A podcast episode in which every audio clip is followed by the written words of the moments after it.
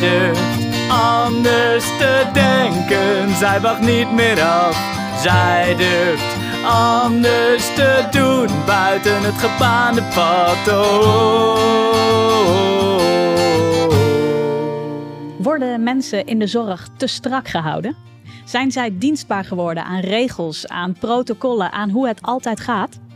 En is de autonomie van zorgverleners ondergeschikt geworden aan het algehele belang? Misschien is het wel tijd om rebels te worden, om vurige autonomie, beroepstrots en leiderschap te laten zien en te gaan zorgen buiten de lijntjes.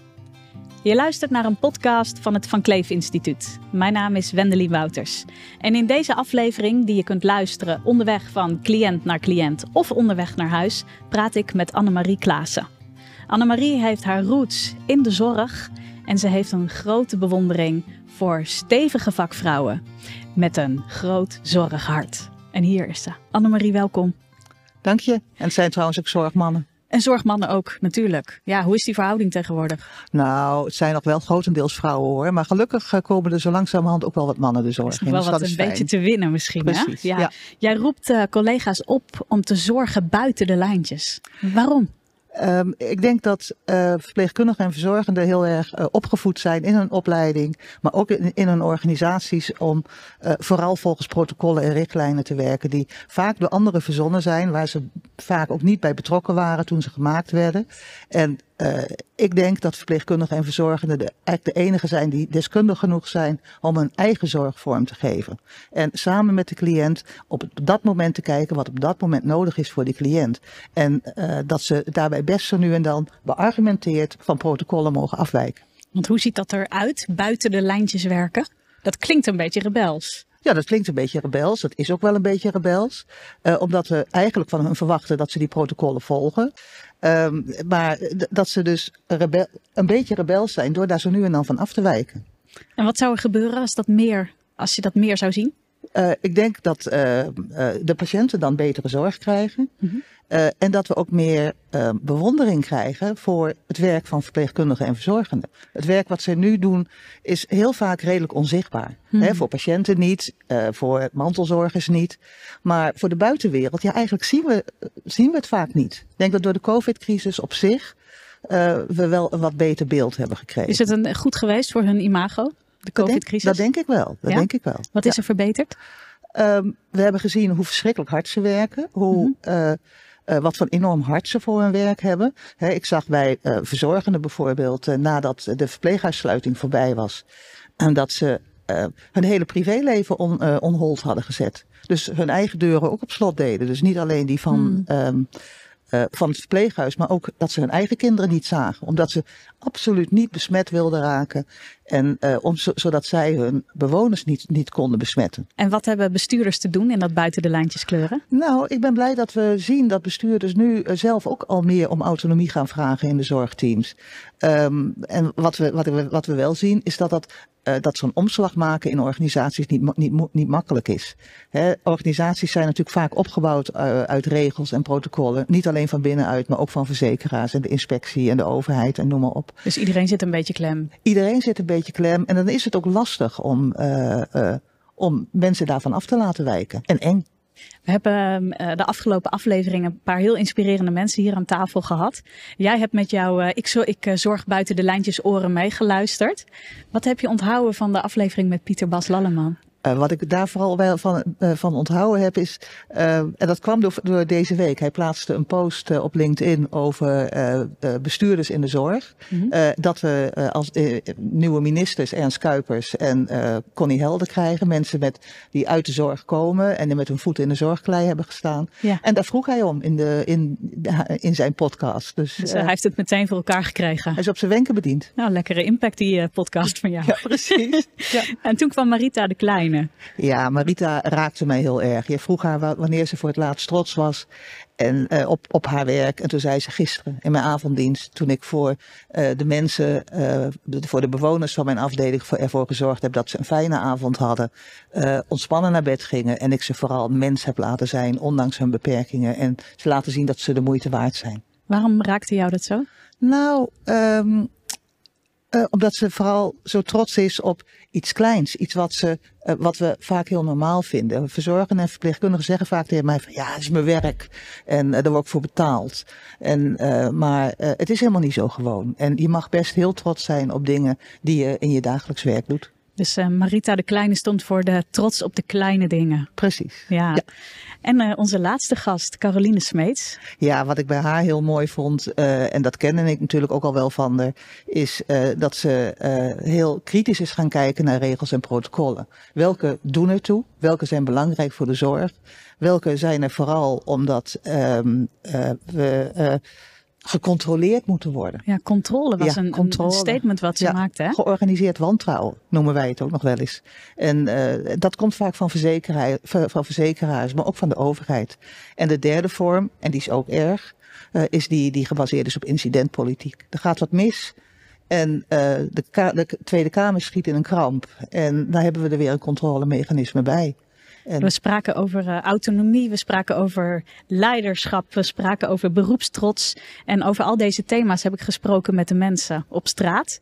En uh, daarvan hebben we een compilatie gemaakt. Ja. Uh, op tv, dan zitten heel veel virologen aan tafel, artsen zitten aan tafel. Ja. Waar zijn de verpleegkundigen? Ja, ik neem aan dat, dat de dat de mensen die aan tafel zitten, die ook in de zorg werken, dat ze ook wel woordvoerders zijn uh, voor uh, de verpleegkundigen. Waarom zien we die verpleegkundigen niet? Die hebben daar geen tijd voor. Vorig jaar stond er, stonden er heel veel mensen te klappen voor de zorg. Ja. Nu niet meer. Wat vind je daarvan? Ik vind het wel lastig, want ik zie wel, uh, nou, met name de verpleegkundigen, dat er heel veel uitval is. Want het is gewoon veel te zwaar. De thuiszorg komt bij ons om de medicijn van mijn zus te geven. Dan, ik ben altijd dankbaar. Als we het hebben over de, de autonomie, hoe dat mensen dingen meer op hun eigen manier zouden mogen doen. Daar zou u wel voorstander van zijn. Omdat ze echt zelf meer. Uh, meer uh, ze, ze, zijn niet van niks. Ze kunt heus wel hoor. Ze zouden voor zichzelf ook meer kunnen spreken. Dat bedoel ik niet verkeerd of zo, maar je hoort er ook niet heel veel van. Ze doen hun werk. Als ze zelf actie ondernemen en ze gaan buiten het boekje om, dan worden ze teruggefloten. Dus wat kunnen ze doen?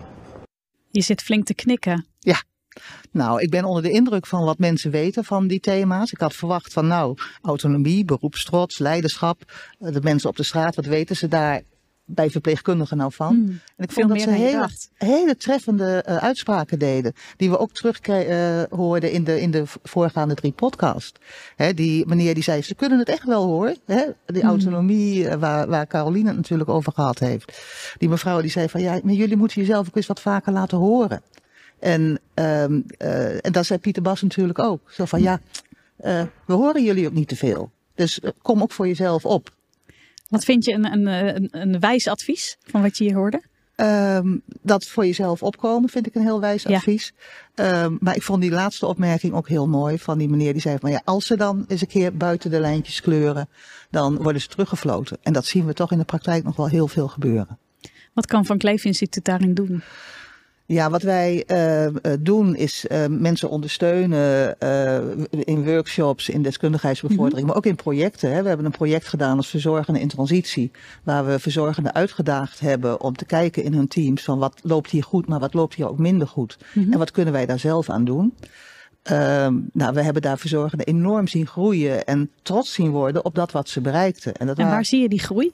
Um, die zagen we op een aantal manieren. Uh, we zagen ze uh, bij wat ze ontwikkelden. Hè, als oplossing een complimentenslinger of uh, weer een goedemorgen overleg starten, omdat mm. ze elkaar niet zo goed kenden. Maar ik zag het ook van, we hebben een aantal conferenties gehouden. En in de eerste vond ze het allemaal maar eng. Net zo goed als dat ik het eng vind om hier op zo, aan zo'n tafel te zitten. Maar um, bij de slotconferentie stond, gingen ze rechtop, borst vooruit. En zeiden ze tegen hun eigen bestuurders van, hoor maar eens wat ik allemaal gedaan heb.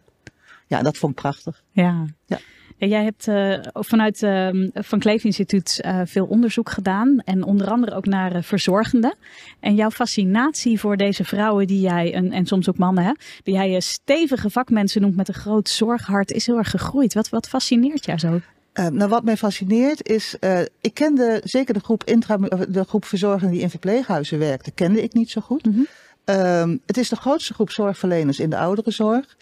En, um, en we zien ze eigenlijk niet. En we horen ze bijna niet. En, uh, buiten de huizen om. Buiten de huizen om. Mhm. Maar ook in de huizen worden ze vaak niet betrokken bij het ontwikkelen van beleid. Of bij, nou wat ik in het begin al zei, bij het maken van protocollen. Mhm. En terwijl ik uh, in die projecten gezien heb dat het vaak inderdaad hele wijze vrouwen zijn. Met heel veel ervaring. En uh, die heel goed weten hoe hun werk het beste ingericht kan worden. En daar zouden we veel meer naar moeten luisteren. Ja, want uh, Caroline Smeet was de vorige podcast te gast. En zij vraagt ook van wat kun jij nou concreet doen om te zorgen dat die stevige vakmensen met die grote zorgharten hun rol gaan ja. pakken? Uh, ja, dat hebben we natuurlijk in een aantal projecten gedaan. Dat gaan Ja. we ook dit jaar weer, uh, uh, weer in een aantal hele leuke projecten doen, vind ik zelf. We gaan iets doen met kleinschalig veranderen. Dus hoe kun je in jouw team, in jouw werk dingen veranderen? En hoe zorg je ervoor dat je daarin ook je collega's meekrijgt? Mm. En nou ja, dat soort, dat, dat soort zaken. Maar we gaan ook een, een conferentie organiseren over de, de nieuwe zorgprofessional. De zorgprofessional van de toekomst. Dus jij bent degene die ze steeds wil prikkelen en uitnodigen om die ontwikkeling uh, door te gaan. Ja. We hadden uh, Carolien, we hadden, um, we hadden Pieter Bas, we hadden Marita. Uh, en zij hebben allemaal gesproken over die rebelsheid waar jullie toe willen uitnodigen. Uh, jouw uh, woorden zijn de laatste woorden van deze serie. Tot welke rebelsheid wil jij uitnodigen? Nou, in ieder geval tot rebelsheid die uh, de zorg voor de cliënt beter maakt of voor de bewoner. Mm-hmm. En ik, die rebelsheid van waar Pieter Bas het vond ik ook wel heel mooi over had. In altijd heel erg alert en met heel veel denkkracht in het moment staan. En dingen niet op de automatische piloot doen. Mm. En op je ruggen gaat buiten dat het slecht is voor je rug. Maar is het uh, denk ik heel belangrijk dat je altijd toch weer heel goed blijft nadenken. En uh, dat is niet altijd makkelijk, zeker niet als de werkdruk heel hoog is. Maar uh, daar zou ik toch wat toe willen uitdagen. Blijf alert, denk na. Blijf alert, denk na. En ja, en verder wil ik heel graag meer Caroliens, meer Pieterbassen en meer Marita's zien. Dus mensen die Jaap van Dissel uh, uitdagen, mensen die uh, Hugo de Jonge in beweging krijgen als het gaat over administratieve lasten. En mensen als Pieter Bas die op de radio uh, uh, klaagt dat, we, dat de, het woord verpleegkundige en verzorgende in, in, het hele regeerakkoord niet voorkomt. En we gaan ze bestellen, dit soort mensen. Precies. Ja. en jij uh, blijft ze inspireren in de toekomst. Annemarie, dank je wel. En we eindigen speciaal voor alle luisteraars en zeker ook voor jou nog een keer met het rebelse zorglied van Maarten van Veen van De Reisgenoot. En je luisterde naar een podcast van het Van Kleef Instituut. Veel dank aan de gasten die hier aan tafel aanschoven. De technische creatie is uitgevoerd door Lagom Film en mijn naam is Wendelin Wouters. Wil je meer weten? Kijk dan op www.vankleefinstituut.nl. Zij voelt de sfeer in de kamer. Zij ziet haar cliënt het vaakst. Zij weet hoe het ging vandaag en hoort alles wat hij vraagt. Zij durft anders te denken. Zij wacht niet meer af. Zij durft anders te doen buiten het gebaande pad. Zij durft anders te denken. Zij wacht niet meer af. Zij durft anders te doen buiten het gebaande pad. Oh, oh.